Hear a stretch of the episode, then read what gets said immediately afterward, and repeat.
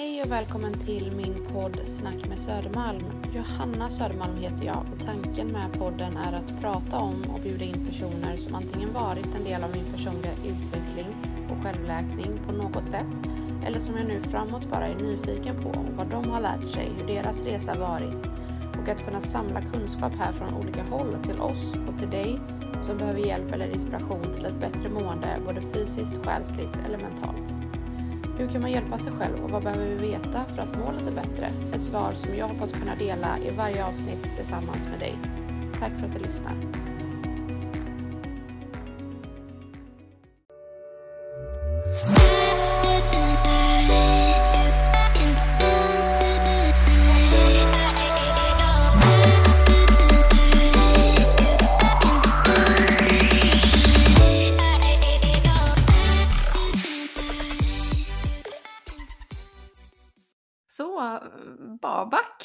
Välkommen Ja. till min eh, podd. Tack. Vad roligt att ha dig här. Det här ska bli jättespännande tycker jag för Mm. att det är ju, eh, ja men vi, vi precis lyckades eh, med tekniken här och, och få ihop det och så utbytte vi väl någon mening och så kör vi så att vi har ju knappt pratat med varandra. Ja, precis. ja, det är mycket att Men- prata om då, helt enkelt. Ja men verkligen, verkligen. Ja. Hur mår du, eh, hur mår du idag? Jag mår jättebra. Jag är på landet eh, hos min hustrus, eller hos mina svärföräldrar. Så vi är Mhm. här nu med, mina, med våra barn och, och varit ute i skogen så det har varit jätteskönt att vara i skogen idag. Och Ah, vad vid mysigt. sjön och, och i solen. Så jag har fått jättemycket energi av det. Så nu sover barnen och då, då är det alltid skönt faktiskt måste jag säga. När de sover tillsammans eller samtidigt. Ja. Då, då får man lite egen tid och det här är så jag spenderar idag. Samtala Ja. med dig. ja, vad härligt. Det glädjer mig Mm. verkligen. Det är nära att få prata med dig och jag är jätteglad att du tar dig tid till det här samtalet för det känns som att Mm. vi har mycket att förmedla, eller du har mycket att förmedla för att ehm, vi ska ju, du ska ju få bjuda in mig och lyssnarna lite grann kring din värld och den Mm. resan som du har gjort och det som du har fått lära dig under livet Mm. hittills och vad det är. Så jag är jättenyfiken och jag, ska jag vara helt ärlig så är jag, eller jag var, innan jag såg dig, då blev jag lite lugn, men då var jag faktiskt lite nervös. Jaha. Hur så? Ja, nej men jag tror att, att ehm, ja, men det är det här gamla Johanna som spökar, liksom att jag, att jag måste förbereda mig och ha kontroll och veta vad jag pratar om. Och det är väl det som blir lite obekvämt och läskigt för mig, att jag ska prata eh, med dig, eller det är egentligen du som ska prata om det här ämnet, men jag vet ju inte så mycket om det, jag kan inte så mycket om det. Och så tänkte jag så här, Ja. Måste ändå förbereda mig, jag ska skriva ner lite frågor, eller hur ska jag göra? Ja. Och så, du vet sådär. Eh, Ja. Och sen så pratade jag ju med Diamantis där i oktober och då Mm. skrev han till mig eh, då så här, "Ja, men vi bara flowar. Och då Mm. kände jag bara så här, det var första gången jag hörde det och då kände jag bara, men gud vad läskigt, ska vi bara, bara prata rätt ut utan att förbereda?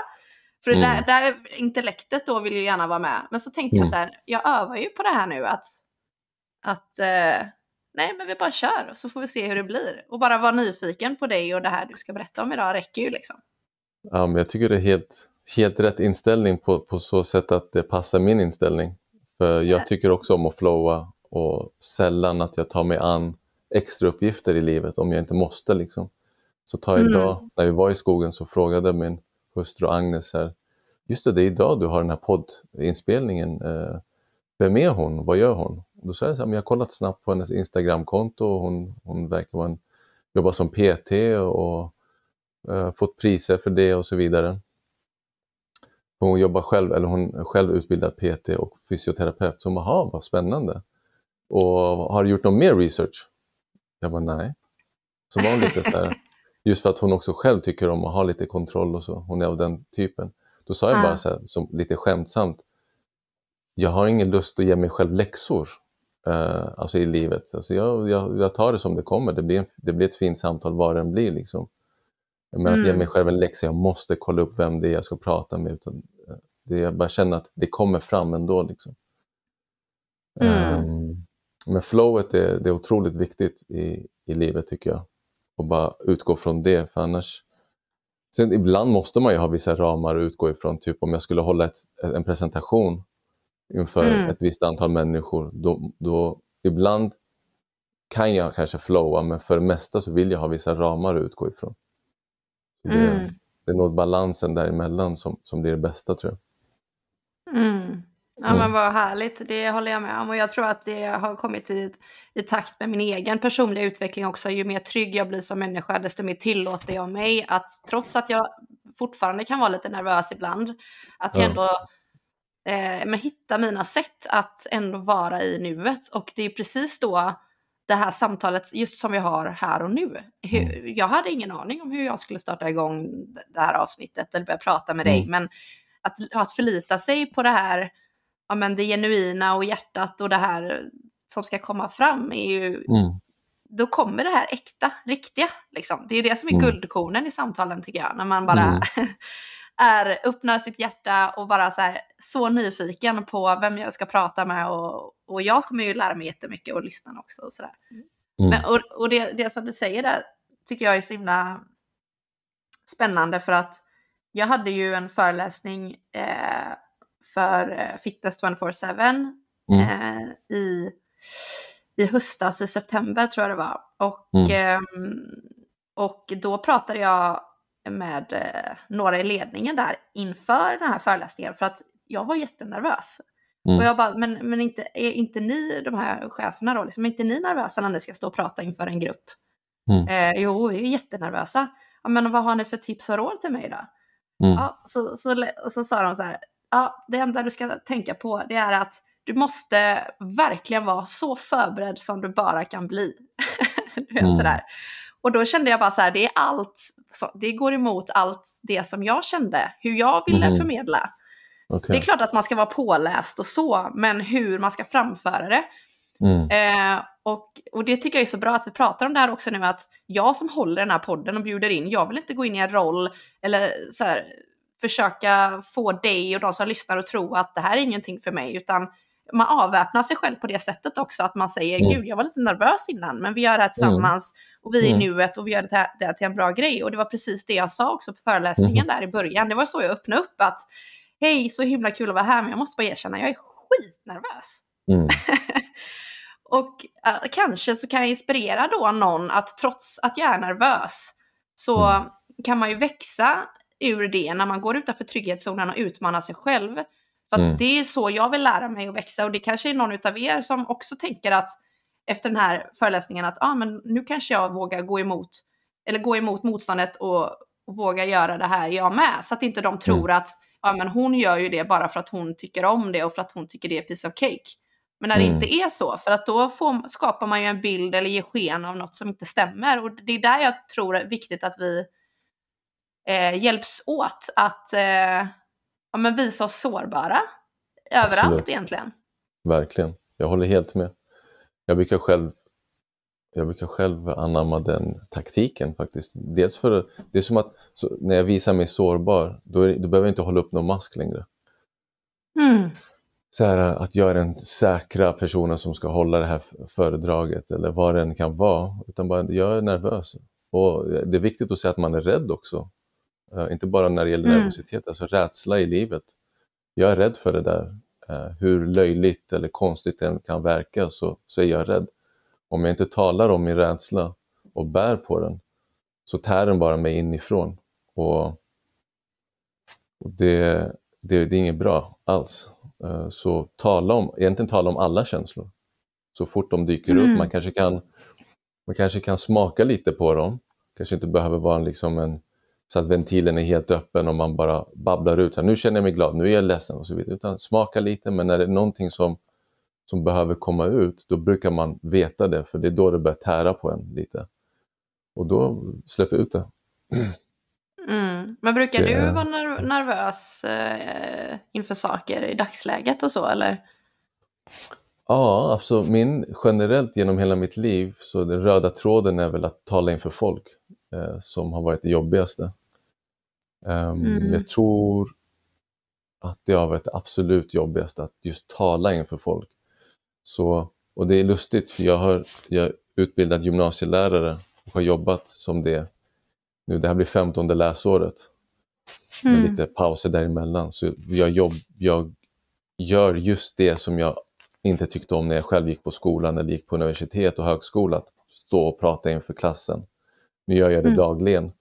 Och jag tycker inte det är jobbigt längre, såklart. Och trivs väldigt mycket väl i den rollen, men jag kan tycka att det är jobbigt om jag till exempel ska stå och prata inför vuxna och eh, om ett ämne som egentligen inte är mig nära. Um, det skulle kunna, och så var det lite på när man själv gick i skolan, att man blev kanske tilldelad ett ämne eller något i, låt oss säga samhällskunskapen. Och sen skulle man plugga på det i några lektioner, så skulle man presentera för resten av klassen. Sådana uppgifter tyckte jag var jättejobbiga och fortfarande. Typ på jobbet mm. om vi ska liksom ha små cirklar och prata i cirkeln. Och sen, jag är bara helt borta och tänker på annat. Jag kan tänka på liksom livet utanför den här cirkeln. Eh, eh, och så ska vi framföra våra resultat till resten av kollegiet. Då kan jag tycka att det är jätte, jättejobbigt. Jag, det är inte mig nära hjärtat. Jag sympatiserar egentligen inte med det jag säger. Eh, och då kommer det inte från mitt hjärta liksom. Mm. Och det är typ bland, bland det jobbigaste jag vet. Sen är det intressant. Ehm, jag har börjat hålla lite i så meditation och musikcirklar för, för vänner eh, framförallt. Men det, det är ganska många som vill komma. Så jag har lite sådana med jämna mellanrum. Eh, och det slog mig vid något, vid något tillfälle i december och jag sa det till deltagarna att jag var, jag var den sista som ville vara i centrum som barn eh, och som ungdom. Liksom genom mitt liv så har jag inte velat sitta eller stå i centrum. Men nu har det blivit naturligt att, i och med att folk dras till det och liksom vill komma så, så bjuder jag in och sen är jag i centrum helt plötsligt, även för vuxna nu. Men jag gör det med en sån jag, jag känner mig så självsäker i det för att det kommer från hjärtat. Och att jag kunde se den utvecklingen, um, att när jag gör någonting från hjärtat, att jag gör det med mina egna intentioner så blir det bra. Men så fort jag måste göra det på grund av att det tillhör mitt yrke eller min, med jobbet så att säga, då, då blir jag jättenervös. Alltså. Då tycker jag inte alls om det. Så mm. Det är mm. där jag befinner mig i min utveckling just nu. Ja, vad fint att du mm. delar. Mm. Vad spännande. Mm. Men har du någon, eh, något eh, som du brukar... För att om du utsätter dig själv för det här regelbundet och, och du tycker att det är jobbigt, brukar du...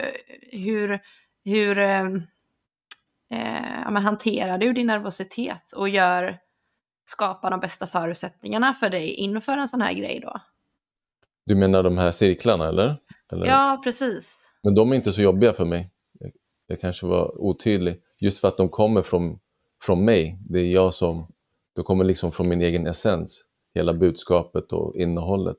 Men så fort det inte kommer från mig och jag bara ska gå in i en roll, kanske som medarbetare och så liksom diskutera något intellektuellt som egentligen inte är djupt förankrat i mig, då, då blir det jättejobbigt. Ja, precis. Det var det jag menade. Hur brukar du ja, göra där då? eh, alltså generellt i, genom historien så har jag faktiskt duckat, om jag ska vara ärlig. Då har jag försökt bara välja den, eh, den bekväma vägen fram. Men så har eh, på senare år så har jag väl insett att jag behöver utmana mig själv på de, de delar som är jobbiga. Så jag har tagit mig an vissa uppdrag som jag egentligen inte har är helt enkelt helt och hållet resonerat med. Till exempel förra läsåret så jobbade jag eh, fackligt som, som liksom centralt ombud i ett halvår. Och inte för att jag är jätteintresserad av den rollen utan bara för att utmana mig själv. Eh, inte bara men till stor del, just för att komma ut ur min comfort zone, behöva ställas inför situationer där där jag behöver utveckla och den här delen av, mig själv som jag precis berättade om. Mm. Så i min historia så har jag gjort så, i ett halvår så jobbade jag som centralt ombud. Men det var utmattande måste jag säga. Alltså det var, det var jag blev trött av att sitta i möten. Även om det kunde, liksom en arbetsdag kunde bestå av låt säga två möten och sen var det telefontid resten av tiden. De här två mötena kunde ta jättemycket av min energi just för att det i grund och botten inte kom från mitt hjärta utan jag gick i den här rollen som ombud, fackligt ombud. Mm. Så, mm.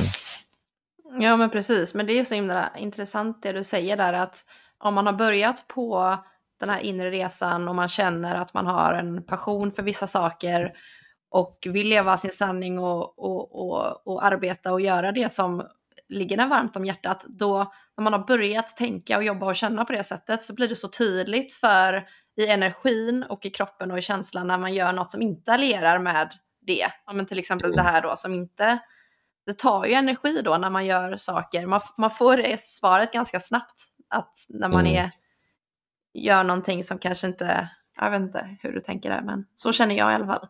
Ja men precis, verkligen.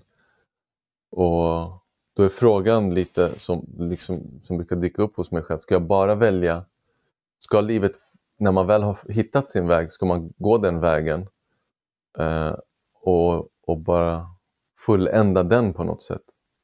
Eller ska man också välja de här obekväma vägarna som man kanske egentligen inte vill, men bara för utmaningens skull?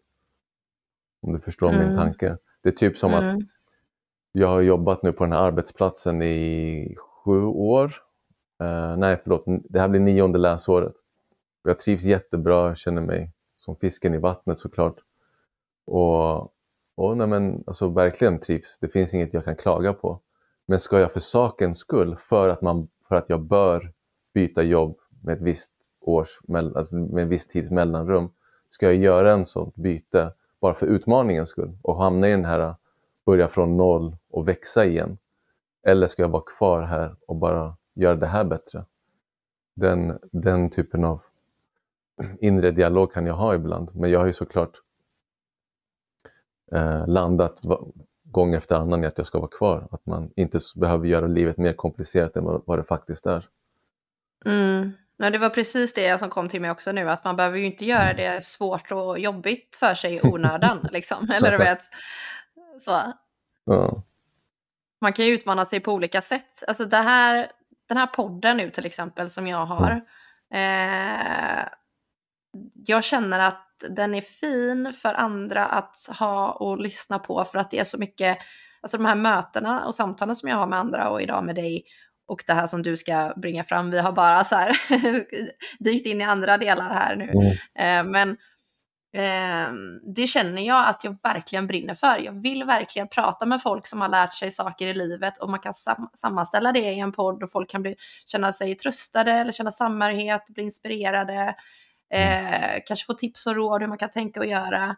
Det ligger mig varmt om hjärtat och, mm. och jag älskar det och jag själv lär mig så mycket på det. Men det är också en utmaning och jag utvecklas med det själv jättemycket för att eh, jag får, får slåss mellan det här att släppa taget, släppa kontrollen och bara vara. Det är det jag får träna mig på. Det är ju min mm. utmaning med detta. Mm. Och det är ju så himla härligt för att det växer ju en trygghet där att det behöver inte vara perfekt. Det behöver inte vara så himla förberett utan att man förlitar sig på samtalen och flödet och mm. människor. Liksom. Mm. Men eh, vi bara började prata på här och ja. helt, helt underbart. Men vi måste ju, för de som inte vet vem du är, presentera dig och, och du får ju berätta lite grann vem du är och vad du gör och vad du lärt dig mm. och allt det här. Liksom, du håller på med meditation och vipassarna och allt det här och mm. det skulle jag gärna vilja veta lite mer om. Men mm. eh, alltså vem är du? Det är en väldigt Ja, stor, stor fråga. fråga. ja. Men om jag skulle ställa den till dig, vad, vad skulle du, ja. jag är nyfiken på vad ditt svar skulle bli, vem du är. Wow. Alltså inom den här kontexten, för att inte låta för, för konstigt, så, så, så ska jag väl ge ett ganska enkelt svar. Du får svara um, precis vad du vill, det som eh, mm. känns bra i hjärtat. Ja, men ändå en 40-årig man Född och uppvuxen i Sverige med, med föräldrar från Iran som flydde hit eh, med mig och jag var i min mammas mage då när de flydde hit och eh, sen har vi bott här och, och jag tycker om och älskat att, att resa. Jag har väl någonstans såklart känt att jag är svensk men ändå inte som så många andra förstahands invandrare eller första generation och andra generation och till och med kanske tredje generations invandrare. Så jag har tyckt om att resa mycket eh, och behövt det för att upptäcka andra liksom, kulturer, kunna smälta in ibland. Känna att jag kan smälta in typ i Sydamerika. När jag, om jag väl kan språket så, så, så, kanske jag kan göra det. Så jag har haft ett behov av det, har jag förstått. Eh, och generellt tycker jag såklart att resandet i sig är fantastiskt. Gjort det mycket. Älskar att hålla på med musik. Det var något jag fick med mig från barnsben. Så det var lite så här tvång hemifrån att jag skulle eh, spela piano. Vilket jag egentligen, jag ville bara ta det lugnt och spela tv-spel eller sporta men det, fick, det var en lite tvång kring det. Men när jag väl sen blev vuxen så, så, och fortfarande idag så är jag så otroligt glad för att jag fick den, liksom, jag, jag fick lära mig musik på det sättet. För nu kan jag spela gitarr, piano och massa andra instrument eh, och lära mig ganska fort. Och njuter av det väldigt mycket. Mm. Men jag har väl varit en människa och är fortfarande som uppskattar eh, alltså inte för stora ansträngningar utan mer att bara njuta. Lite så här Ferdinand-karaktär på mig själv. Skulle jag vilja säga. Tycker om att bara vara i solen eller bara ta det lugnt och bara vara ledig.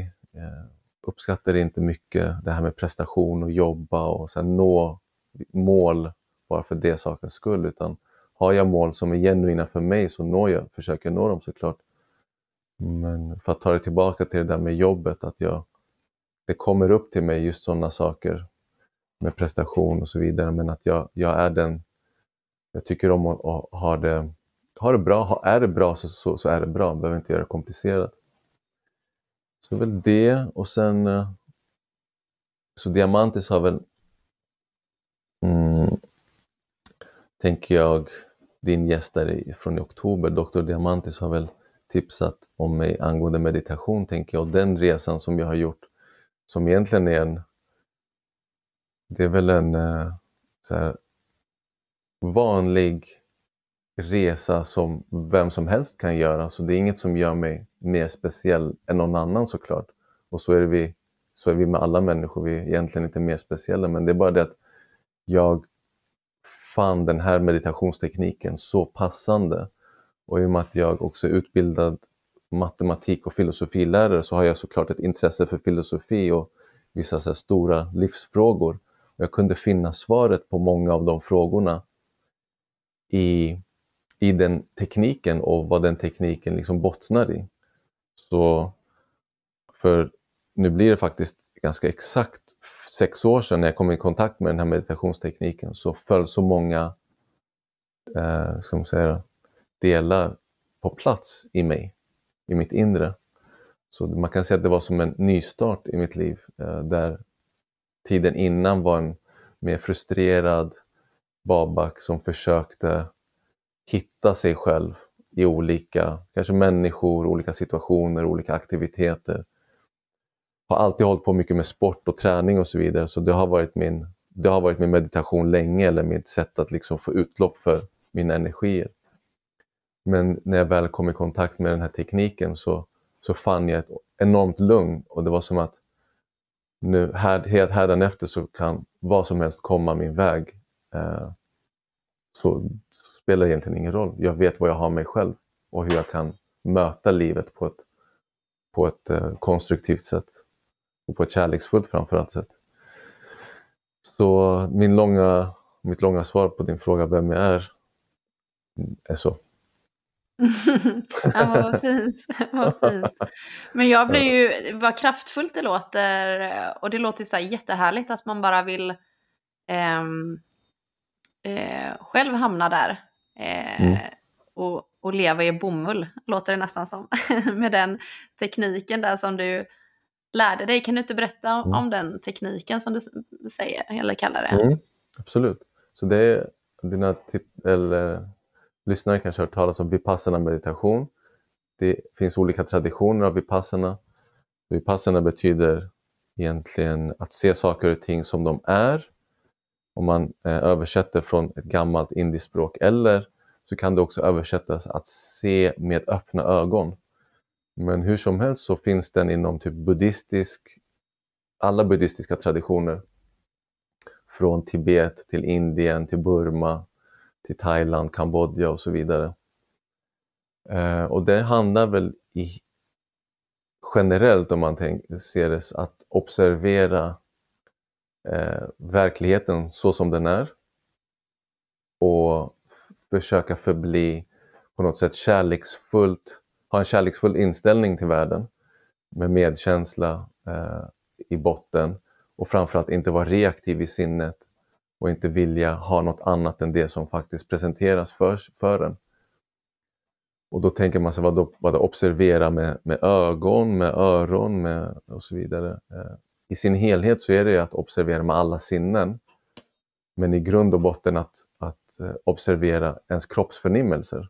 Så att alltså gå in i kroppen och, och kroppsdel för kroppsdel känna av hur kroppen, musklerna, benen, organen, huden och så vidare känns och, och bara låta det få vara utan att vilja något annat i stunden. Eh, det är väl typ, om jag skulle sammanfatta vad faktiskt tekniken är så är det väl något sånt. Sen finns det olika traditioner som jag nämnde och jag har lärt mig under den här burmesiska traditionen som också har presenterat, det är kanske den som har fått störst spridning egentligen eh, internationellt och, och, över hela världen genom en faktiskt eh, indisk man men ändå född i Burma som heter Goenka som exporterade den här tekniken och hela upplägget från Burma till Indien först. Eh, tror jag på 70-talet och sen därefter så bara så exploderade det. Så, ex, så expo, eh, exporterade han det till USA och till sen Europa och nu finns det väl center, centra över hela världen. Och bland annat ett i Sverige också. Mm, vart ligger det? Som, är det Östergötland? Nej. Ja, jag tror Ödeshög ligger i Östergötland. Ja, okej. Okay. Ja, för jag, det har jag, vet jag någonstans att jag har läst om. Mm. Okej, okay. men eh, så att det är liksom som en eh, helkroppsskanning egentligen där man känner in då hur kroppen känns, musklerna, man blir närvarande i kroppen på det sättet och man observerar den fysiska mm. kroppen men även också sina tankar och känslor då också. Hur mår jag, hur känner jag och så ja. då eller? Ja men precis. Mm. Väldigt kortfattat. Men om, om jag, håller du i sådana här meditationer också då? Eller kurser som har med det här att göra? Ja, än så länge så har jag gjort det för vänner och, och familj och så vidare. Eller typ ett tag gjorde jag det för mina kollegor, inte kurser men att jag höll liksom cirklar. Kurser skulle inte jag hålla eh, utan då hänvisar jag starkt till just kursgårdarna som finns över världen och, och som vi har eh, en av liksom här i, i Sverige det, det görs inte bättre än de, det man blir erbjuden på de här kursgårdarna tycker jag. De är så mm. fulländade verkligen. Mm. Mm. Vart heter, vad heter den kursgården där som finns i Sverige? I Ödeshög? Den heter eh, Damma Sobhana eller så googlar man Vipassana Sverige. Då får man upp centret som, som ligger i Ödeshög som förmodligen första eh, Google liksom, sökningsalternativ. Okej. Okay. Och där håller du... Eh... Nej, jag håller inga cirklar. Utan nej, för du att håller kunna hålla, cirklar. Nej, för mm. att kunna hålla en utbildning där, då måste alltså jag har gått fem kurser, så det är ingenting i den här traditionen om man säger så. Det mm. finns de som går, har gått 20, 30, 40 och ännu mer. Och de som är lärare, som är liksom till och med bara blir assisterande lärare i den här traditionen, de har mediterat Alltså man tänker kursmässigt så skulle jag vilja säga kanske hundratals kurser. Och jag är mm. uppe på, jag är på fem.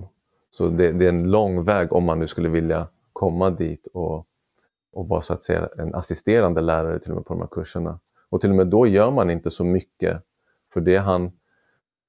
Det intressanta är att eh, all undervisning och, och, alla föredrag och all, all guidning är inspelad på mp3-filer. Så den här assisterande läraren sitter längst fram, deltagarna sitter på sina kuddar framför och så trycker den här personen på play. Och man får all, alla instruktioner från, från den här mannen då, Goenka som som gick vidare för typ, jag tror det är ungefär tio år sedan han gick bort. Eh, Mm. Så den assisterande läraren är med där och liksom håller koll på folk, besvarar eventuella frågor och så vidare. Men inte att den personen leder eh, kursen överhuvudtaget. Okej, men hur lång är en sån kurs och vad, är det mycket att man sitter tyst då eller Mm. hur går det till? Ja, de är minimum 10 dagar. Så jag har bara suttit 10 dagars kurser. Och så finns det 20, 30, 45 och 60. Så de längsta kurserna är på 60 dagar. Det finns inte i Sverige. I Sverige har vi bara 10 dagars kurser. Då, och så är det så att man börjar meditera från halv fem på morgonen till nio på kvällen och det är tio timmars dagar, alltså tio timmars meditation per dag.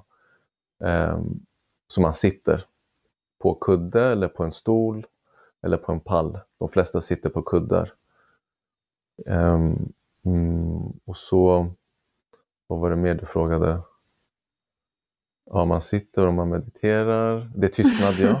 Är tyst, många upplever att det är någon form av så tystnadsretreat, vilket det, i, i, egentligen så är det inte väl tystnaden som är, som är poängen, utan det är att tystnaden hjälper till med, med meditationen. Men det är, det är väldigt strikt med just tystnaden. Eh, viktigt att man, man bibehåller den här nobla tystnaden för att inte störa sig själv eller andra. Och bryter man mot det så kan, får man väl eventuellt en varning. Men efter två, vid andra varningen så, så får man lämna centret. Um, Mm. Det är väldigt strikt, och så väldigt strikt schema som är detsamma över hela världen.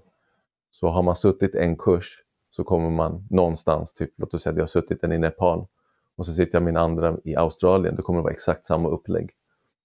Så man känner Mm. igen sig i det. Ehm, Och det är väldigt effektivt, väldigt effektivt upplägg. Det kan vara väldigt påfrestande för många, inklusive mig själv, att sitta still så, man, så länge som man gör. Eh, Men det är exakt det som behövs för att saker och ting ska kunna komma upp till ytan från ens undermedvetna, både känslor och, och allt annat.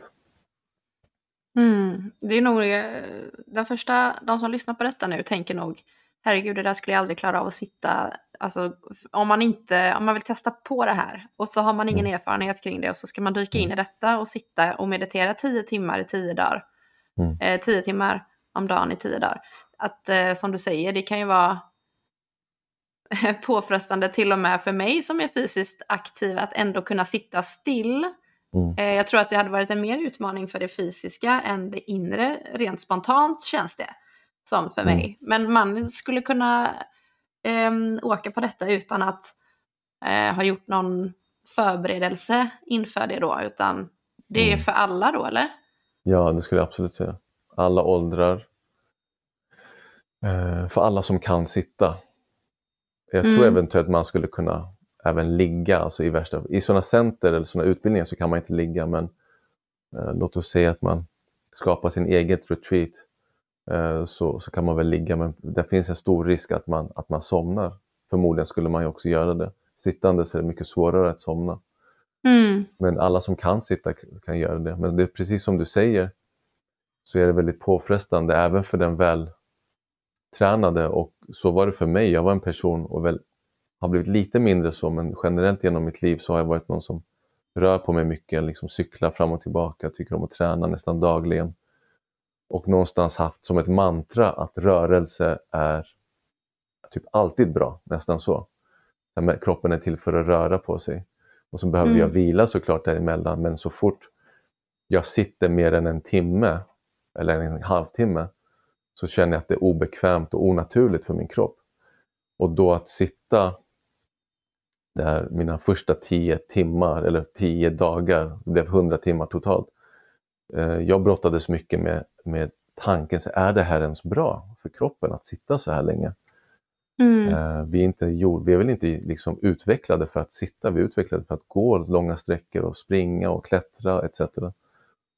Men med tiden så har jag fått en, en viss insikt om det där och, och förstår att, att, att det finns ett enormt värde eh, att, att kunna sitta faktiskt. Och även om det är påfrestande för, psyk, för, för kroppen som du var inne på så, så blir det det för men, det mentala. Alltså man, mm, min upplevelse är nu att alltså, det mentala och kroppen är, är egentligen ett, ett, ett och samma. Det är samma, alltså sinnet och kroppen är typ samma sak, men olika. Det är som att vi pratar om olika saker för att vårt, vårt språk kan göra så, kan göra, göra den distinktionen. Och vad vi säger med det är att när det blir fysiskt påfrestande så blir det också mentalt påfrestande. Och tvärtom, man upplever att någonting är mentalt påfrestande så blir det det också fysiskt. Um, mm. Typ så. Men vad, vad, vad spännande. Jag, det hade ju varit intressant att se hur jag hade klarat av det. Eh, och vad som hade hänt framför allt med, för att tänker, jag har flera frågor här, men mm. för det första, alltså vem ska åka och göra det här tycker du? Tycker du att det här är för alla eller mm. vad, vad kan det här ge? Vem ska åka och göra detta? Ja, jättebra fråga. Jag tycker det här absolut 110 procent är för alla. Jag, eh, jag brinner ju för mycket, så mycket för det. Jag tror det här faktiskt är liksom vägen för människan. Och nu låter det här väldigt stort. Eh, nästan som att jag håller på att predika, låt oss säga en religion, så här, nu har jag funnit frälsningen och, och så vidare. Utan, men så är det egentligen inte för att det finns ingen tradition egentligen bakom, det finns ingen religion eller gud bakom det här utan det är bara en teknik i vilken man lär sig observera sig själv. Sitta kan alla göra, det är något mänskligt. Att blunda kan alla göra och sen att känna in i vem är jag? Vad dyker upp i min axel just nu? Och så går man vidare. Hur känner, min, hur känner jag mina biceps just nu? Bara gå upp och ner, skanna ner, upp och ner, in och ut i kroppen. Det kan alla göra och det är någon form av mänsklig aktivitet som vi alla kan ägna oss åt. Och det fantastiska med det, för att då komma tillbaka till din fråga, vilka bör göra det? Det är väl alla som lever egentligen för att dels komma, alltså lära känna sig själv. Det är, ett, det är eh, absolut bästa tekniken eller metoden som jag har eh, kommit underfund med, med vilken man kan lära känna sig själv på, på ett så djupt plan.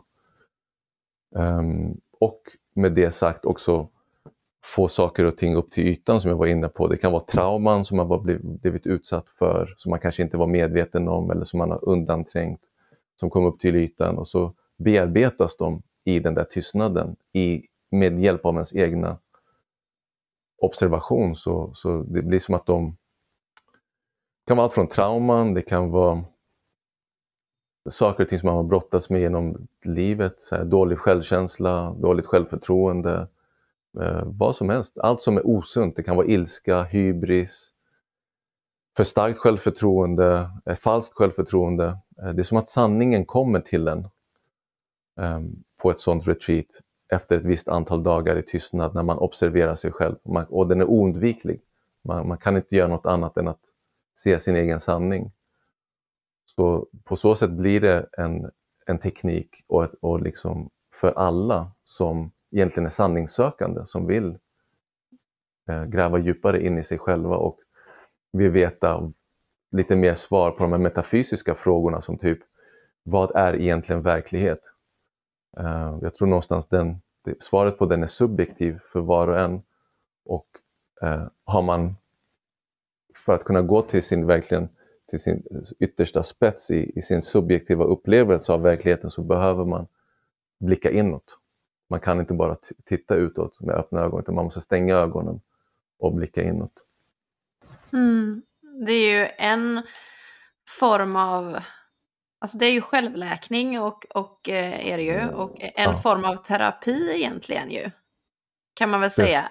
Alltså så här, istället för att sitta och prata eh, i terapi med någon, då blir det väldigt lätt att eh, man kopplar på sin, sitt intellekt och man mm. kanske är van att ha svar på tal. Och, för jag har ju alltid varit sån, eh, kunnat ja, prata mig ur saker eller prata mig till saker och använda mitt, eh, min retorik eller ord eller sådär. Men, eh, men också på min resa nu så har jag bara så här, slipat bort det mer och mer för att där är ju egentligen inte hjärtat på det sättet med.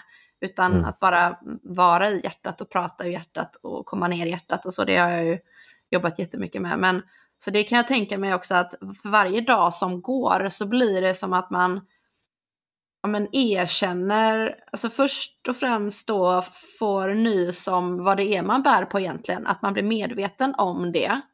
Och mm. för att frigöra trauman eller känslor eller pålagringar eller felaktiga sanningar så behöver man ju titta på det och känna in det för att det sen ska kunna, alltså omfamna det för att det sen ska kunna släppa antar jag. Mm, eh, du får mm. rätta mig om jag har fel här men det är lite så jag får känsla, utan att jag gjort det här själv, att, det, att den vägen det går och att man sen då i slutet där av, av det här, att man eh, har kunnat, att man känner sig lite lättare då, att man har mm. skalat av sig och släppt taget om så mycket. Det är ju ändå ja. fantastiskt, och, men mm. samtidigt är jag inte förvånad eftersom att vi människor, vi är ju, och kroppen är ju superintelligent och vi kan ju egentligen mm. ta hand om detta själva om vi bara vågar eh, titta på det och, och känna det för mm. att det ska släppa. Verkligen. Det är fantastiskt. Alltså jag, ja, jag är jätteglad för din sammanfattning eller din tolkning för det kändes som att du fyllde på många delar och, och sa det bättre än vad jag själv sa det. Eh, så nej men absolut är det så. Och egentligen i sin, i sin ytterlighet så skulle man en, inte ens behöva en sån här kurs om man säger så. Utan det handlar precis som du säger, det handlar om egentligen stillhet. Det handlar om att inte eh, vara distraherad. Så många människor gör ju liknande saker egentligen. Att liksom ta sig ut i skogen, eh, man kanske går ut själv. Helst behöver man nog vara själv så att man inte blir distraherad. Ta inte med sig mobilen, man kanske tältar i några dagar eller hyr en stuga någonstans och bara, bara är och lyssnar på sina tankar, känner in i sig själv Eh, och, och, och saker och ting kommer oundvikligen upp till ytan. Jag tror bara skillnaden är mellan en kurs där man blir guidad och får en förståelse kring en viss teknik än att själv behöva uppfinna den eller hitta den egentligen. Jag tror människor över hela världen har upptäckt det här och gör det fortfarande utan att de har blivit guidade till det. Det är väl att man kanske under vissa perioder kan fastna i låt oss säga ett självdömande eller att man kan tycka att tyst, um, man kanske också dömer eller vill, det som kommer upp till ytan till att det är jobbigt och vill bli av med det. Eller tvärtom så kanske man längtar efter, låt oss säga att, att jag får, har en känsla att jag vill hyra en stuga i tio dagar och bara vara för mig själv, borta från familj och vänner och allt. Liksom. Så kommer jag dit och så känner jag att det här var ju jättejobbigt. Jag ville egentligen ha något annat så går jag runt och brottas med de känslorna i tio dagar. Det är egentligen känslor av motvilja. Um, istället för att inse att det liksom, eller utgå från att det är exakt det här jag behöver, det här är min utgångspunkt. Den här mm. jobbiga känslan som jag känner motvilja inför är därifrån jag ska börja, inte försöka bli av med den och tro att jag ska ha någon form av euforisk känsla bara för att jag har tagit mig ut i skogen låt oss säga. Utan, och det är väl det man får hjälp med som sagt med, med en kurs, att inse att alla känslor är välkomna. Alla kroppsförnimmelser är välkomna. Till och med de som är på, alltså, till sin yttersta gräns. Ibland kanske man känner att man håller på att bli galen. Den är välkommen. Det är bara att observera. Så här, hur känns det när du tror att du håller på att bli galen? Till exempel. Eller i sin fysiska form, låt oss säga. Um, jag har så ont i nacken att jag tror att jag har diskbråck. Alltså jag måste verkligen ta mig till en läkare nu för jag, jag har ont hela tiden även när jag sover. Ja, men, alltså, tipset där skulle inte vara så här, ja det är panik, låt oss ringa 112 utan det här är bara något fysiskt som kommer upp till ytan. Observera smärtan. Döm den in, försök att inte döma den, försök inte att reagera på den. Så kommer den att passera. Den kommer att liksom, du kommer bli av med den. Förutsatt såklart att det inte är så att jag kommer in med ett diskbråck och har, låt oss säga, sådana smärtor och sen sitter jag där och tänker att det, här är bara, det här är bara mentalt. Men saker och ting som dyker upp under en, en sån kurs eller under så när man gräver in i sig själv, de är oftast av den typen av så här självläkande natur som du var inne på. Något som kommer upp till ytan, till för oss att, att lära, lära om och lära oss av och, och så bara ha inställningen att det här kommer att passera. Förståelsen kring att det här kan inte vara för evigt. Så låt mig extrahera så mycket visdom, så mycket från den här jobbiga, tunga eller lätta och euforiska känslan, vad den kan vara, som möjligt innan den passerar. Lite så typ. Mm. Mm. Ja, det som jag sitter och funderar på nu, det som det du sa där, att eh, om man sitter i tio dagar och så, som du säger, och så upplever man att man får fysiskt ont någonstans i kroppen. Eh, att du, du får rätta mig om jag har fel, men jag bara säger hur jag tror, eller hur, jag, hur min känsla och tanke är där, att, mm. att det är oftast kopplat till eh, något emotionellt liksom. Eh, och, det, mm. och då visar kroppen att ja, men, eh, nu tittar vi på detta eller nu frigör du detta eller så. För, mm. för, det, för det är någonting så som jag... Det är också så himla intressant det där att eh, känslor och tankar manifesteras och sätts ju i kroppen. Så ibland så har folk, mm. går folk runt och har ont och så tror de att det är från någonting, men i själva verket är det att, de, att det är obearbetade känslor. Att, att, eh, att eh, man hjälper den fysiska kroppen också på så sätt. Mm. Eller hur? Ja. Eller vad, vad säger du? 100 procent, exakt så. Eh, våra känslor sätter sig i, i våra kroppar. Och på tal om det här, liksom, den här föreningen eh, mellan kropp och sinne som jag pratade om innan. Mm. Så liksom våra smärtor sitter ju inte mentalt. De kan inte, och vad är det mentala i sådana fall? Ska de sitta i min hjärna? Och min hjärna är en del av kroppen också. Så eh, en upplevelse sätter sig oftast i kroppen. Eh, eller alltid i kroppen så att säga. Och då blir det precis som du säger när, när det kommer upp till ytan och jag får upplever en viss smärta och som du var inne på, det kan vara liksom mycket av det som människor bär på idag. Nu är inte jag legitimerad läkare eller legitimerad terapeut av något slag, men av egna er, eh, erfarenheter så kan jag säga att dels hos mig själv men även i min omgivning så har jag observerat genom mitt liv människor som bär på, låt oss säga, Eh, kronisk huvudvärk, det kan vara nacksmärtor, det kan vara ledsmärtor och, och, så ger de sig tillfället att göra någon form av självläkande eller läkande process. Någon, och så vittnar de själva om att ja, men det här kom till ytan under den här processen, under de här tio dagarna eller vad det än var under den här terapin. Och nu är jag kvitt. Nu har jag blivit av med den där smärtan som hela tiden var där och störde mig. Jag har blivit av med min migrän.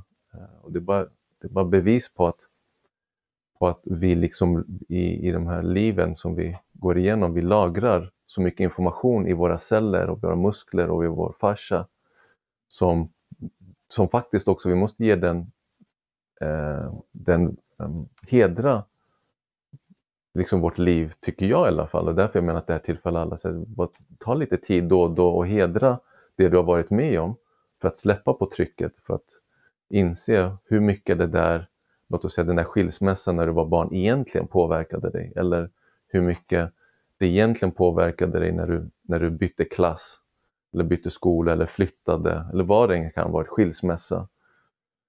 Eh, mm, jag tror många gånger så går vi och bär på den mentala konstruktionen eller historien om vad saker och ting betydde för oss istället för att känna in hur, hur det egentligen kände för oss och hur det fortfarande känns någonstans på djupet. Mm. Mm, det är ju någonting som vi gärna gör, att vi springer ifrån känslor och tankar och, och eh, vänder ryggen till motståndet. Det är väldigt, eh, det ligger ju inte i vår naturliga dragning liksom att vilja gå in i det jobbiga eller, eller vilja gå emot mot motståndet eller vilja vara ensam eller när man är i sin stillhet att det infinner sig en rastlöshet och då, och då litar man nästan på det som hjärnan signalerar att nej, det här är tråkigt, nu hittar vi på något annat. Just för att mm. man, kroppen vill ju hitta ett sätt att eh, ja, men, eh, uppta tankeverksamheten med för att inte låta eh, tankar och känslor komma fram som behöver komma fram och, och, då kanske man inte ens är medveten om att, att, att man har den strategin, att det är så man gör. Mm. För att man tänker bara, ja jag är uttråkad, nu ska jag hitta på något. Eller jag klarar inte av att vara ensam hemma en hel dag. Eller inte ha några planer en hel helg. Nej, gud vad tråkigt. Jag måste hitta mm. på saker. Jag är inte mm. den personen som eh, vill ha en oplanerad helg och inte göra någonting. Utan jag är en person mm. som gillar att göra mycket. Och det är klart att det finns olika personligheter och så. Men det som du pratar också där om tidigare, att, att eh, hitta eh, stillhet, att det är också hälsa ju. Och det är också jätteviktigt att, mm. att eh, våga vara i still, stillhet och eh, att våga vara i det tomma och mm. se vad som kommer fram då. Och man behöver ju inte åka på ett, en tio dagars eh, retreat eller åka till en stuga i skogen själv i, i en vecka heller, utan det, man kan ju börja med att bara, som du sa, gå ut i skogen eller bara ta en promenad utan telefonen. Mm. Att man börjar implementera lite smått i sin mm. vardag. Eh, och hur viktigt tror du, eller tycker du att det är med just att skapa de här rutinerna i ens vardag där man är frånkopplad och är i sin stillhet. Till exempel gå ut på en promenad utan telefon eller hörlurar eller sällskap i en timme. Hur viktigt är det för hälsan? Just nu i vår, eh, vår livssituation, de flestas livssituation i, i, i Sverige och västvärlden så tror jag att det är nästan livsnödvändigt. Det är avgörande någonstans för att man ska kunna få återhämtning i, i vardagen. Eh, har man turen, som, som vissa har, alla har tydligen inte den turen att kunna typ, sova djupt och sova hela nätter, så får man en jätteviktig återhämtningstid där. där man, men till och med där så, så, så har många liksom till exempel mobilen på, de har den på ljudlös, den är fortfarande aktiv, liksom, någonstans en, en del av ens hjärna fortfarande med och vet att ens mobil är på. Eh, så i alla situationer som är möjliga, från att ta en promenad eh, efter lunchen om man är på jobbet, typ en kvart bara, lämna mobilen på kontoret eller på arbetsplatsen var man än jobbar, hemma, ta en promenad på en kvart och bara lyssna på ljuden, bara liksom känn dofterna av det som presenteras för en. Det tror jag är eh, avgörande för att man ska komma bort från den här tendensen som finns i, i tyvärr i västvärlden och i världen just nu som går mot mer psykisk ohälsa som egentligen kan drabba vem som helst. Det handlar bara om, men om, om man tar, ta tag i det som är bra för en själv eller om man går åt andra hållet och jag tror då att typ just fysisk träning, motion och så vidare är otroligt viktigt för alla men också att man skapar de här mikropauserna eller lite större pauser av så mycket av bortkoppling som möjligt och avkoppling för både kropp och, och, och sinne. Så jag mm. försöker i den, i den mån jag, jag kan, om jag, såklart om jag är ute i skogen eller naturen eller bara tar en promenad så har jag sällan hörlurar på mig. Det känns, jag, jag känner mig stressad av att behöva lyssna på något annat när jag bara vill att och tyst blir det ju aldrig. Jag kommer alltid antingen höra eller känna av mina tankar eller så hör jag omgivningen. Men att det blir den typen av ljud som når mina öron istället för att det ska vara något från någon podcast eller någon Spotify-lista eller så. Um, mm. tror, um, tror att det är jätteviktigt att, att ge sig själv de här pauserna och som du säger så, så ska man inte tänka att det är så här, allt eller inget. Antingen är det tio dagar eller så ska jag inte göra något. Och det är samma sak med träning antar jag. jag eh, tror alla i, i den branschen har det som liksom, alltså att någonting är bättre än inget. Så gör hellre, mm. Gå hellre på en 10 minuters promenad än att inte göra något. Så fastna inte på att du måste ha ett gymkort och träna 10 eller förlåt, en timme om dagen eller ingenting. Utan börja med det lilla. Tycker att, sen kommer du uppleva alla de här positiva effekterna och då kommer du per automatik vilja köpa ett gymkort eller kanske eventuellt med tiden söka dig till en sån här 10 dagars kurs till exempel. Mm. Men det lilla är otroligt viktigt. Det behöver jag påminna mig själv om. Eh, till exempel när det gäller träning och meditation nu som tvåbarnspappa och småbarn.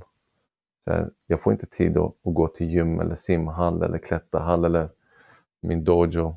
På, har inte varit på, på flera år nu och kört jujutsu. Men betyder det att jag ska stoppa hela min jujutsu eh, kärlek? Nej. Jag, jag, eh, i den, just i den aspekten med jujutsu, då, då tittar jag på Youtube-klipp då och då när jag blir sugen och känner att jag sparras och, och, och liksom brottas i mitt sinne åtminstone. Och det är bättre än inget. Så till och med det skulle jag säga bättre än att bara känna att ah, nu är det en paus i flera år för att jag har ingen tid att gå till, till min träningslokal. Utan nej, du kan göra det också i sinnet. Och för att ge ett eh, väldigt långt eh, utlägg nu så, så har det visat sig, jag läste någon bok och det här har jag fått höra från Anna sammanhang också, att det här mentala träningen gör tydligen jättemycket, att typ föreställa sig någonting. Alltså föreställa att jag tränar eller att jag...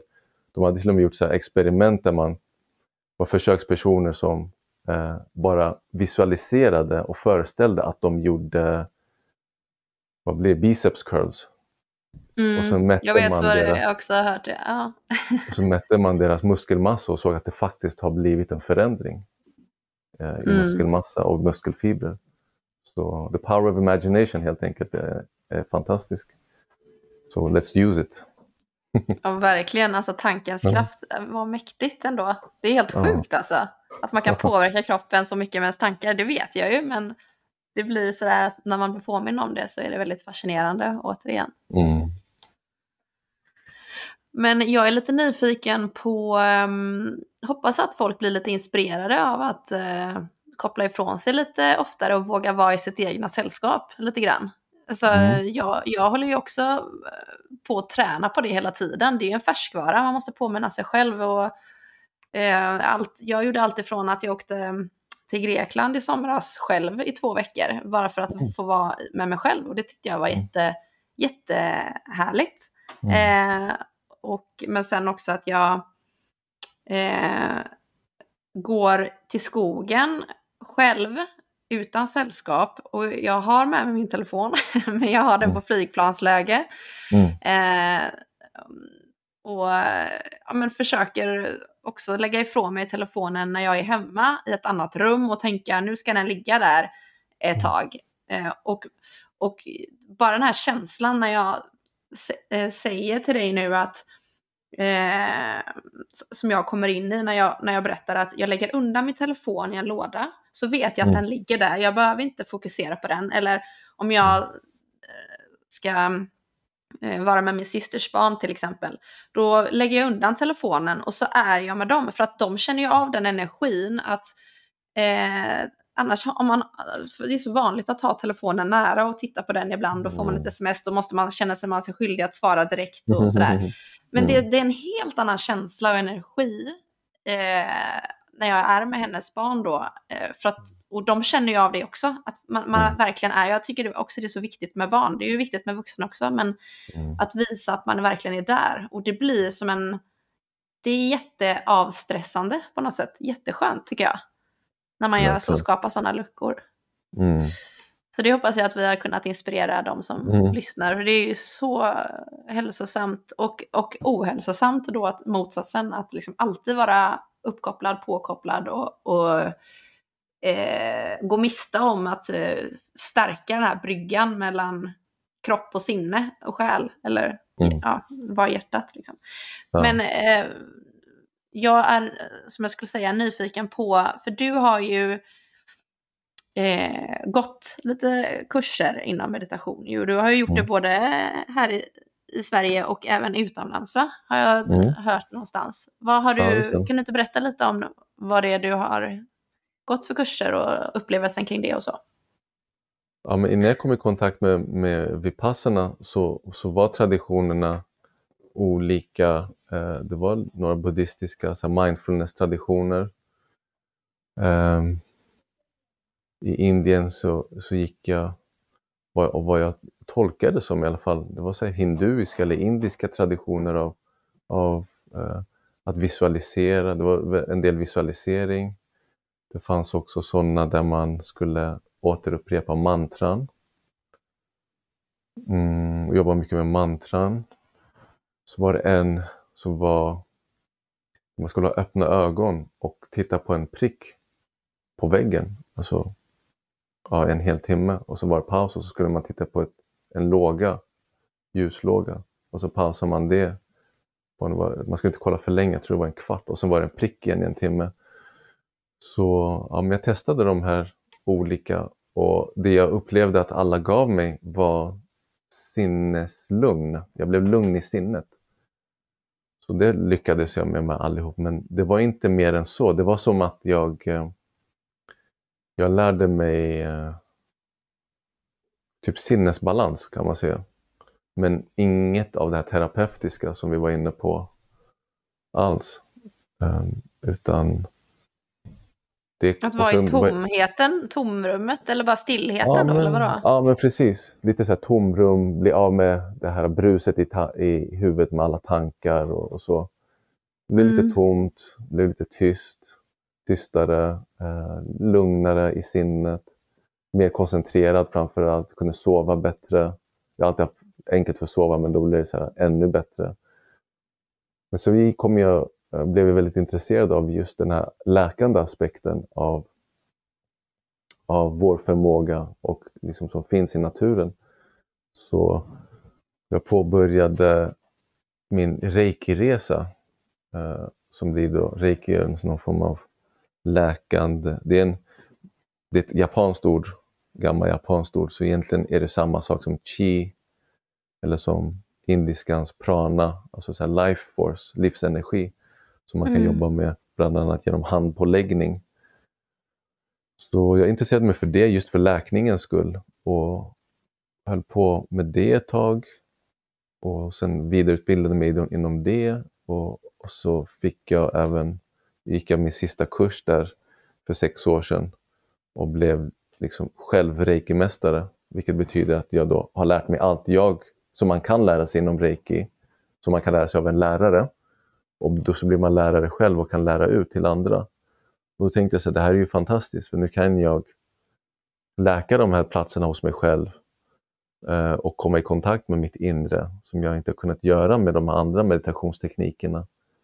Men eh, det gjorde jag inte. Jag kanske inte gav det tillräckligt mycket tid eh, för kort därefter så kom jag i kontakt med Vipassana.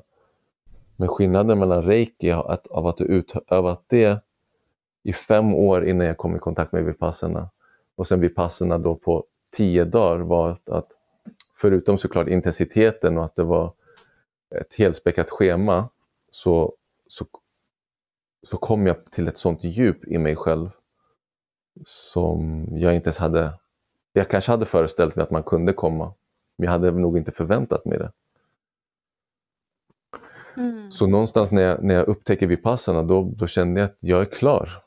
Eh, jag, jag, jag kunde också känna i, i, mig själv att jag har hittat min, alltså det här har jag gjort tidigare. Det, var, det är så, så intressant att jag kunde känna så, för fram tills dess så, så hade, trodde jag egentligen inte så starkt på liksom, reinkarnation eller att, att, att eh, energierna, att min energi går vidare till något annat liv och så vidare. Jag var mer så här, ah, whatever. Liv, jag, jag kommer få väl få reda på det när jag, när jag dör, eventuellt vad som händer. Men efter min första kurs så kunde jag känna, en, det var som en stark förnimmelse, bland annat av att jag har gjort det här tidigare. Och mycket av den läran och så som jag, som jag kom i kontakt med kändes så bekant, så ett enormt bekant att jag började liksom, i alla fall leka med tanken där och nu har jag lekt med den så pass mycket och låtit den leka med mig att jag är nästan övertygad men att jag började leka med tanken att tänk om jag har levt tidigare liv och tidigare också kommit i kontakt med den här traditionen eller den här tekniken och det är därför den passar mig så bra. Mm. Så, med det sagt, jag tror inte den bara passar alla som tror eller som upplever att de har haft ett tidigare liv med Vipassana. Jag tror faktiskt att det är en, en teknik för alla. Och, så den som känner att, den, att det här talar till en, så kolla upp i alla fall, lyssna på någonting på Youtube. Tryck in bara Vipassana eh, eh, och, och lyssna på något, något föredrag eller på någon förklaring på vad det är för något. Läs lite på internet, det, det är helt fantastiskt. Mm, vad fint förklarat. Jag, direkt mm. när du började berätta så kände jag bara direkt det du avslutade med att, att uh, ja, men du, du, det var ju en igenkänning där. Du, det var ju bekant för dig. Och det, var, det lät ju så vackert. Uh, och jag tror också på uh, tidigare liv och att, att själen och energin lever vidare och mm. oändligheten där. Och, och, um, och det är så häftigt när man stöter på ja, men personer eller saker i livet som man så bara känner igen. Det är något bekant. Det, mm. det känns som att vi har känt varandra. Det, då tror jag också att mm. man har mm. träffats i ett tidigare liv. Liksom. Ja, just det. Eh, så det är så häftigt. Men eh, det som jag eh, undrar kring är att oftast, du och jag sitter och pratar här idag för att du har haft eh, eh, ditt livsflöde och din livsväg och resa och oftast när man väljer att göra den här resan så är det för att eh, man bär på någon form av smärta. Eh, mm. Och jag undrar, vad har du, vad kommer det här ifrån? Varför sitter du och jag och pratar här idag? Vad, vad, vad är det för smärta eller vad är det för någonting som har gjort att du har valt att gå den här vägen och, och hittat hit? Ja. Min smärta bottnar väl i, eller det, det är olika typer av smärta som jag har burit på. En är eh, mina föräldrars trauma och smärta eh, som flyktingar. För att de blev liksom tvungna över en natt mer eller mindre eh, lämna sitt modersland och allt de älskade och alla de älskade och så tar de sig till ett helt främmande land där de knappt kände någon. De kände väl en, eventuellt en person. Um, och börjar om ett helt nytt liv och sen har de aldrig åkt tillbaka. Uh, så den smärtan har väl alltid legat där och den saknaden som de har upplevt och upplever, upplever jag genom dem. Uh, eller har gjort det och det uh, kanske jag har eventuellt läkt en del men jag kan absolut känna att jag har, känner en saknad till att få uppleva hur Iran är i ett fritt, ett, en fri variant av Iran, inte så här, den form av diktatur som, som är nu. Så jag, jag har väl valt att inte ta mig dit, för jag vill inte uppleva diktaturer mm. och liksom förtryckta samhällen och människor. Eh, men det är en sån och sen en, något annat, mina föräldrar skilde sig när jag var åtta. Det var väldigt smärtfyllt för mig och sen så det är något jag bar med mig mm, länge. Mm, och sen min relation till, till kvinnor. Eh, liksom min bild av hur saker och ting bör vara var alltid där och spökade. Först var det romantiserande, alltså jag var väldigt romantiskt lagd om man säger som ung. Men sen förstod jag till, med, med tiden att det var, eller jag, jag frågasatte mig själv ganska djupt. Så här, det här är, är det här ens hälsosamt att ha så här många föreställningar om hur det bör vara? Hur, hur personen bör vara, hur flödet mellan oss bör vara, hur samtalen bör vara, vilken intellektuell nivå personen bör ha. Alltså det var som att jag var perfektionist. Så jag förstod väl någonstans, eller jag misstänkte i alla fall att det måste bottna i något sår eller någon, något, någon brist som jag känner gentemot mig själv i vilken jag projicerar den här perfektionen utåt och tänka att, eh, att det behöver vara perfekt för att, för att det ska vara bra. Vilket också gjorde att, om man tar den sista, tredje delen som jag var inne på, att jag levde ett, ett, liksom ett liv av mycket frustration som jag skapade för mig själv men också för min omgivning. Dels för min liksom, familj, vänner men också för dem jag träffade. Att jag kunde liksom gå in i relationer och sen kunde jag känna att nej men fan det här är, det här är inte för mig. Eh, bara typ det, att det vände nästan över en natt. Så mm, ja, ja, men jag, sådana saker gjorde att jag, efter att också kommit i kontakt lite med så anknytningsteori och sånt, så här, är det något det måste vara någonting i mig själv, att jag e-, eventuellt har en liksom, otrygg anknytning. Eh, men vad bottnar det i? Hur ska jag, liksom komma, hur ska jag kunna läka det? Så jag har ju typ testat, som många andra så har jag testat att gå psykolog. Vilket jag inte tänk, tyckte faktiskt hjälpte så mycket. Jag vet att det kan hjälpa såklart, men jag tyckte inte att det hjälpte mig där och då. Så, eh, men jag gjorde i alla fall ett försök. men det var just för den här anknytnings... Eh, det var för, av den anledningen som jag sökte mig till psykolog då just för att se om jag kan komma till botten med varför jag aldrig nöjer mig eh, i en relation eller med en människa liksom, av det motsatta könet.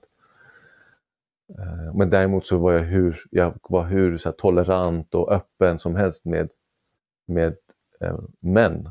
Alltså jag kunde typ ha vänner av olika slag med olika intressen, olika ideologiska bakgrund. Jag var så öppen för människor men inte när det gällde liksom kärleksförhållanden. Så då, ins- då, måste, då fattade jag att det måste ligga något som spökar eh, där. Eh, intressant nog så två, tre år in i min resa, så jag, jag gick sån här kurs en gång om året och sen fortsatte liksom meditera hemma och verkligen försöka fördjupa mig i mig själv. Och, och det blev ju bättre och bättre absolut med liksom mina, mina relationer som jag sen hade under de här två, tre åren till, tills jag sen andra året egentligen eh, efter så, så träffade jag min nuvarande hustru. Och jag tror väl att jag inte hade kunnat vara i den här relationen nu om jag inte hade gjort det arbetet på mig själv och egentligen fortsatt och jag fortsätter väl fortfarande. Skulle inte kunna vara kvar och kunna vara den bästa versionen av mig själv om jag inte hade gjort det och fortfarande jobba på mig själv. Så det liksom mm. har blivit som eh, frukten, jag får skörda frukten av, av mitt arbete i, i den här aspekten av att få ha äran och, och vara far, far till två barn och, och ha en fantastisk hustru. Mm. Vad fint. Det, när, du sitter, när, jag, när jag sitter och lyssnar på dig nu, det här du berättar, det är ju det här som är Babak. Alltså det är det här som är du. Det här du berättar nu, mm. det känns som att du berättar ju din resa och det, det är ju liksom mm. kärnan eller en del av din kärna. Det, tycker, mm. det känner jag när jag lyssnar på detta. Mm. Det, är, det är så fint. Och det, jag tycker det är så häftigt och inspirerande och modigt att uh, gå inåt och lyfta på sina egna stenar istället för att så här, skylla på andra eller skylla på omständigheter eller det är den personens fel eller ja, på grund av eller tack vare eller så, utan att man har ett eget ansvar över sitt liv och sitt mående och mm. eh, eh, all potential i världen att utvecklas och känna sig fri på insidan och bli den som man vill vara. Om man mm. vågar titta inåt. Det är det du har gjort och det är därför det är så häftigt också att alla hittar ju sina vägar på sina mm. inresor eller går olika, eh, men, på olika sätt. Och vissa kanske hittar, ja, men som jag då, jag hittade ju liksom träningen, det var ju min första del i min självläkning. Träningen mm. och sen så eh, ja, men kosten och förstod betydelsen av att äter jag så rent och rätt som möjligt så ger det mig energi och jag läker och jag mm. mår mycket bättre i sinnet och tänker klarare, mm. hjärndimman försvinner, kroppen mår bra. Och sen så kom jag in i meditationen och mindfulness och förstod att herregud, jag bär ju på ett mäktigt verktyg och det är ju andningen som påverkar hela mm. nervsystemet. Och gått från att ha varit en tjej som har haft jättemycket ångest och då har jag bara tagit på mig löparskorna och sprungit ut eller gått till gymmet och kunnat mm. gå på gymmet två gånger om dagen för att fly från den här rädslan till att eh, förstå att men jag kan sitta med min kropp. Det är bara tankar och det är bara känslor och jag är inte mina tankar och jag är inte mina känslor utan det är mm. någonting som jag kan bara se som moln som passerar. Jag kan acceptera, omfamna och, och det här. Så alla, vi alla hittar ju olika sätt och, och det är ju inspirerande att du då hittar ju ja, men meditationen och vipassarna ligger dig ju varmt om hjärtat liksom då. Mm. Eh, och om du ska göra så här en, en, eh, nu låter det, men om du ska sälja in liksom det här till de som lyssnar, bara med några mm. meningar så här, för att det är ju så många som, eh, jag vill ju göra folk medvetna om den här världen för de som mm. lyssnar eh, med mm. din hjälp. Och vad skulle du säga eh, om, om du ska pitcha för det här och vipassarna och meditationen, mm. den världen för andras hälsa? Mm. Var, varför behöver man det? Vad är bra med det? Mm. Uh, uh. Min upp, ja, uh, så från mitt perspektiv så är motion, träning fram, uh, otroligt viktigt även om man ska gå in i liksom och fördjupa sig i vipassarna. För eh, det har jag märkt också i mig själv eh, i relation till, vi säger andra bara, och det är liksom en observation jag har gjort. Jag som har tränat mycket, liksom yogat en del, jag har blivit mindre av det senare år, men liksom är mer flexibel, kan sitta längre, och då kan jag sitta längre också. Det är som att kroppen kan bära, jag kan, kan bära mig och mitt sinne längre än den otränade. Så jag vill säga med det att, att, att jobba på kroppen är alltid att jobba på sinnet eh, och någonstans vice versa. Men för att ta det till, till din fråga med, med Vipassana så skulle jag sälja in det. Är du intresserad, nyfiken på vem du egentligen är och vem, vad du bär på för eh, eh vad du bär på. Om du känner att det finns stagnation, om det finns ehm, um, ouppklarade delar i ditt förflutna som du kanske har brottats med, som du har försökt undvika och som du kanske till och med är rädd för, eh, eh, så, så är Vipassana ett, ett otroligt kraftfullt verktyg och teknik med vilken man mm, ganska mjukt ändå får komma i kontakt. Det är inte som att man får en, så här, en box i ansiktet första dagen med alla insikter utan väldigt mjukt så kommer man in i en sinnestillstånd där, där man under en, en, under en tid då, det behöver inte vara första kursen efter tio dagar, men om gör man den här resan så kanske eh, liksom de här stora insikterna kommer när man väl har kommit hem eh, efter sex månader och sitter, du vet, fortsätter sitta i meditation morgon och kväll så börjar de här insikterna falla på plats och man fattar, man får se den här röda tråden i sitt liv. Um, så nu blev det inte så få meningar men sen nyfikenhet egentligen. Ja. Mm. Är du nyfiken så do it. Ja. Fint förklarat. Men den här kursen som är i Ödeshög i Sverige, kostar, vad kostar det att gå på en sån? Ja, det är det som är det fantastiska. Hade det kostat och varit en liksom något aktiebolag och sånt så hade, det, hade jag inte tyckt att det var lika nice och älskat och pratat om det så mycket som jag gör. För en del av det som gör det så magiskt och så fantastiskt är att det är kostnadsfritt.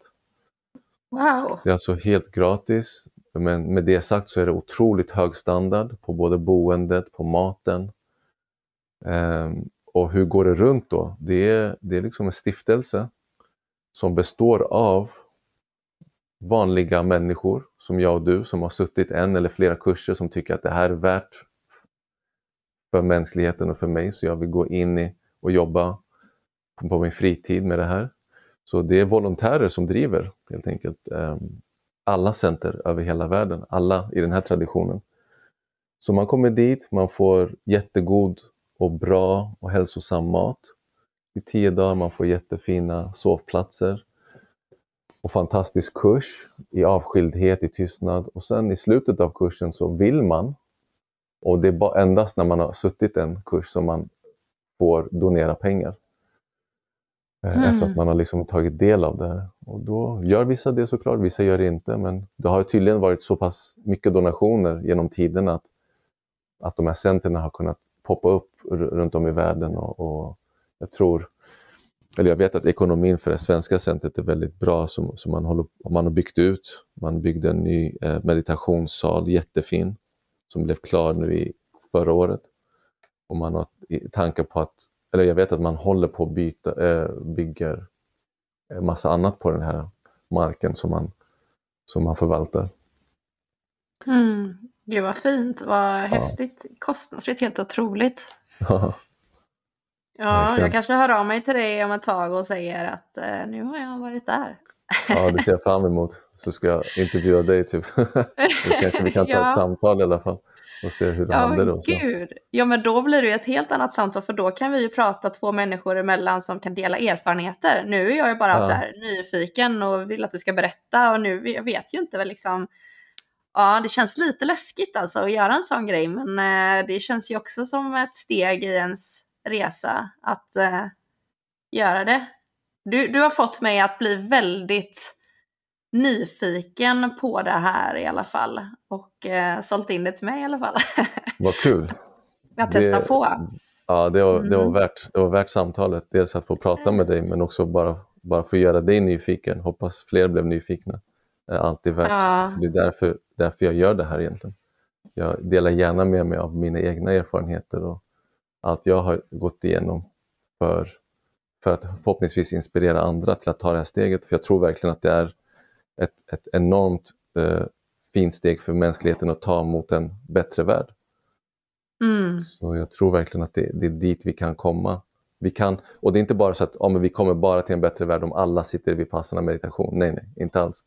Utan det är nästan oundvikligt att går man eh, en kurs och, tänker, och verkligen känner att det här resonerar med mig, då börjar man, alltså om man inte redan gjorde det så, så, så börjar man mer, ändå mer aktivt att jobba för en bättre värld. Det blir bara Mm. så. Mm. Mm. Gud vad häftigt. Oj, Mm. vilket långt samtal detta blev. Men jag kunde så? inte... Vad brukar hålla för snitt då? På samtalet? Ja, vi båda så här sträcker på oss nu. Jaha. Nej men, ja, jag vet inte, runt timmen kanske, men det har varit så himla spännande och Mm. det här är ju ett nytt område för mig också. Det var så himla intressant att eh, höra dig berätta och jag är så glad för att du ville dela med dig och, och bli lite personlig också och sådär. Och jag, Mm. jag, vi ska alldeles strax avsluta så dina barn har kanske vaknat från sin powernap nu. Ja. Men eh, jag brukar ju avsluta med tre eh, liksom standardfrågor eh, som jag brukar ställa i slutet. Men innan jag Ja. gör det så har jag bara en sista fråga som, som jag bara måste fråga.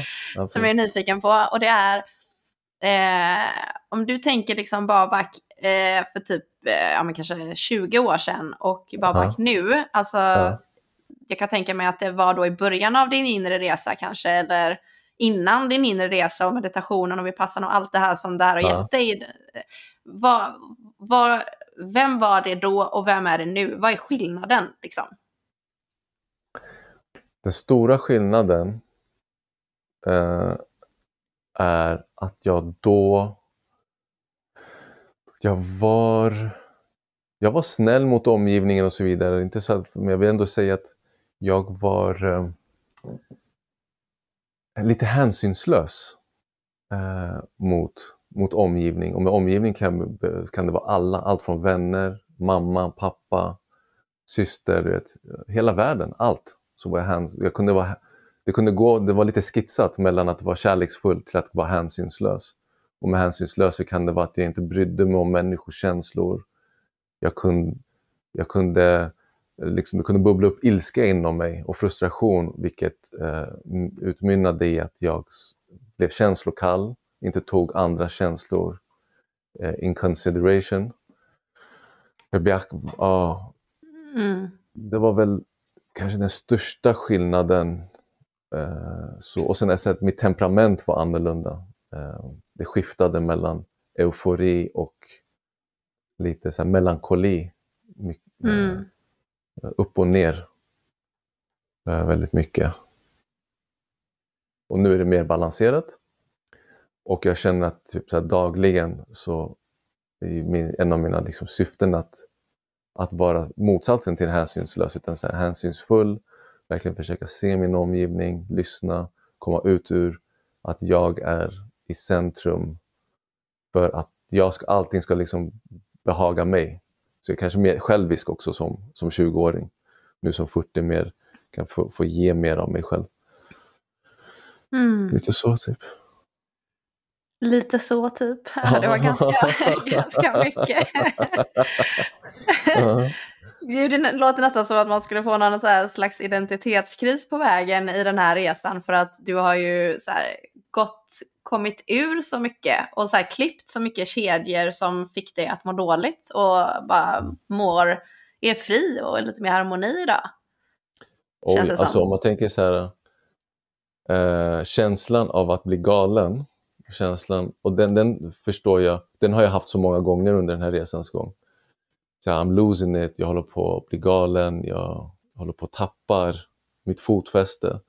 Och det är just det som du var inne på, jag tror när jag blickar tillbaka så, så förstår jag att det är varje gång som jag släpper någonting, en del av min identitet som jag har burit på eh, som jag inte behövde, som jag då känner så här, och, och då får man den här, eller jag har fått, jag tror det är så för alla, när man släpper så, så, så blir man lättare och då blir det som att man får den här känslan av att, eh, att någonting är nytt. Vem är jag utan den här ilskan? Som jag gått runt och burit på? Uh, hur ska jag hantera mig själv med de här känslorna? Liksom? Mm. Men, uh, men det, är en del, det är en del av processen, så ger man sig in i att, liksom, att rensa sig själv, då, går man, då tror jag att faktiskt man, man delvis går in i, lite så här, i någon form av galenskapsprocess också. Att man är alltid där och snuddar vid galenskapen. Ehm, mm. För, man, för det, det är det här rigida, det är när man håller fast vid saker och ting i rädslan om att eventuellt inte bli galen eller egentligen inte tappa det som, som börjar, man börjar liksom skaka på de där fundamenten. Mm. Jag har mm. absolut gått igenom mycket sådana känslor och, och, ibland kan jag fortfarande göra det. Mm. När, när eh, man har varit på ett visst sätt eh, och levt på ett visst sätt väldigt länge och så eh, utvecklas man, går man igenom vissa saker och så hur, hur är det då liksom att det, det, mm, kroppen och sinnet har inte det här behovet för att det finns in, inget att känna ilska för på det sättet eller blir det som att kroppen letar efter, men vad är smärtan i ilskan? För att man bli, har blivit beroende av smärtan eller förstår mm. du vad jag menar? Ja, jag förstår. Så för mig har det varit en lång process egentligen. Så det är väl, så hade vi pratat för tio år sedan så hade mitt svar varit något annat. Eh, men idag ska jag väl säga att, att det är nästan helt och hållet transformerat många av de här platserna hos mig. Transformerat att det här liksom behovet att ens hålla fast vid smärtan eller i frustrationen eller ilskan, den, den, inte ens den finns.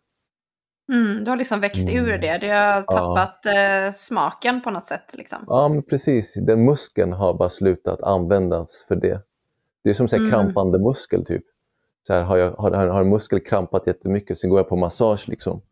Bara, mm. Vad skönt det blir att bli av med den, men den krampar på grund av låt oss säga en känslomässig blockering. Kommer jag hem mm. efter tre dagar så kommer det tillbaka.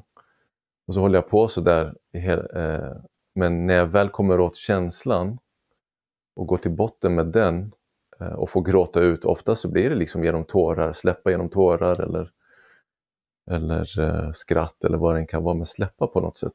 Då, då, då krampar inte den där muskeln längre. Men, och den, I alla fall i mitt, i mitt liv så har inte den haft ett behov att gå tillbaka till att krampa för det finns så många andra muskler som, har, som sen börjar krampa. De bara shit, det här behövs också.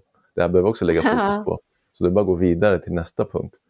Och ja. det, är en, eh, det är väl en så här, egentligen inte en never-ending game om man ser det. Det, det är väl en, en cykel som bara fortsätter och på tal om att födas om på nytt i, i, ett nytt liv och en ny kropp så tror jag att det här bara, den här resan för mig kommer fortsätta till nästa liv.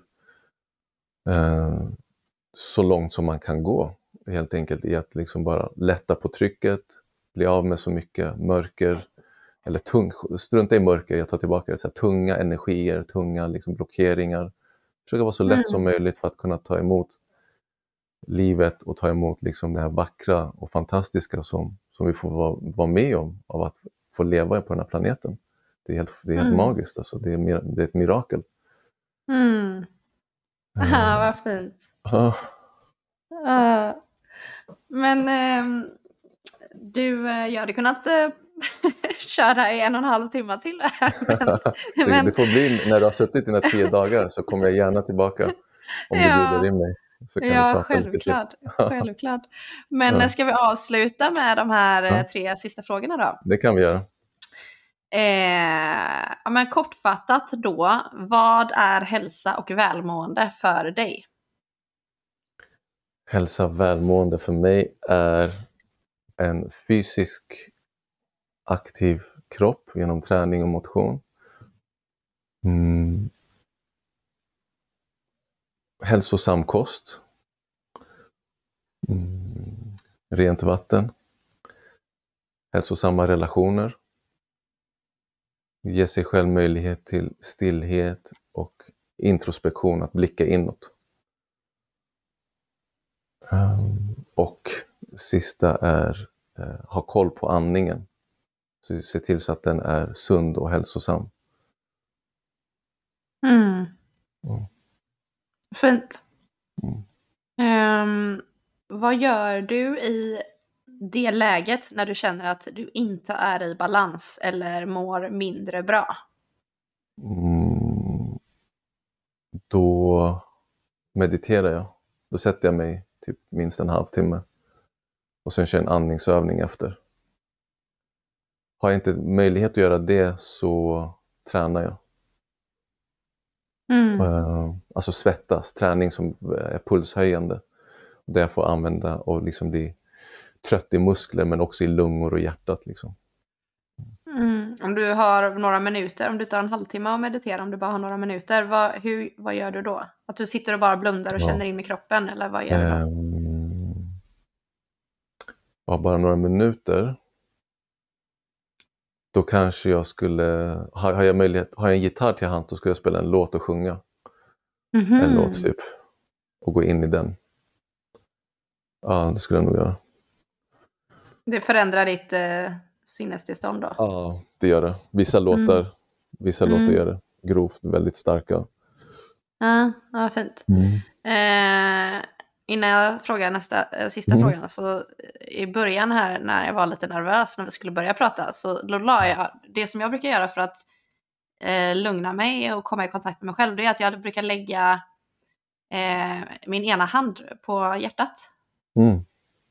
Eh, och så känner jag hur det slår och hur det slår lite långsammare och mm. att jag typ tänker på mitt hjärta, att jag ser det, hur det slår och att mm. jag bara går in i mig själv och mm. allt annat bara så här försvinner. Det är en, en grej som jag brukar göra. Ja, Jättefint. men eh, sista frågan då. Mm. Har du någon rutin du gillar som du gör regelbundet för att må bra?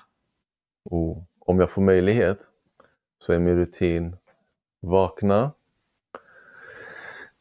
dricka två glas vatten, göra lite morgongymnastik, sätta mig i meditation i typ minst en halvtimme, sen med andningsövningar. Efter det dricka lite till vatten och sen direkt gå och träna på fastande mage. Ja, får jag till den morgonrutinen, så egentligen det är min morgonrutin, får jag till den den där trion eh, så, är, så är det typ en perfekt dag. Det kan regna, det kan hagla, det kan vara soligt, det spelar ingen roll. Det blir en bra dag för mig. Alltså. Mm. Ja. Det lät som en drömstart. ja, det, det är fantastiskt. Alltså jag, det är mitt, jag önskar bara att jag, jag får fler, eh, mer sånt nu framöver. Som tvåbarnspappa har varit jättesvårt. Det går ju typ inte. Så ah. att komma bort från rutinerna för mig har varit en del av min prövning och min, min resa nu som, som nybliven tvåbarnspappa. Mm. Men det är, mm. något, det är intressant. Ja. ja, tack för det. Tack för det. Ja. Jag undrar om det är någon som säger att oh, jag skulle vilja veta mer eller lyssna mer eller ja. här, kan, om man eh, vill, kan man komma i kontakt med dig eller kan du ja. hjälpa dig utöver att du jobbar med ungdomar och och, och klasser och så. Är det någonting du erbjuder eller? Um, ja, jag ska väl komma igång med det. Jag har väl inte haft tid som tvåbarnspappa att ha någon liksom, formella uh, utbildningar, vare sig reiki eller uh, Reiki hade jag i och för sig förut innan jag blev pappa. Men jag tänker att jag ska komma igång med det någon gång. Men vad man kan göra i alla fall, följa mig på Instagram om man tycker om att följa folk. Så du kan väl länka till det i, i din Poddbeskrivningen? Story. Ja, exakt, i beskrivningen. Absolut. Så kan de komma i kontakt med mig och, och har de frågor så kan, är det bara att skriva. Jag, jag, jag svarar gärna på frågor. Sånt. Mm. Mm.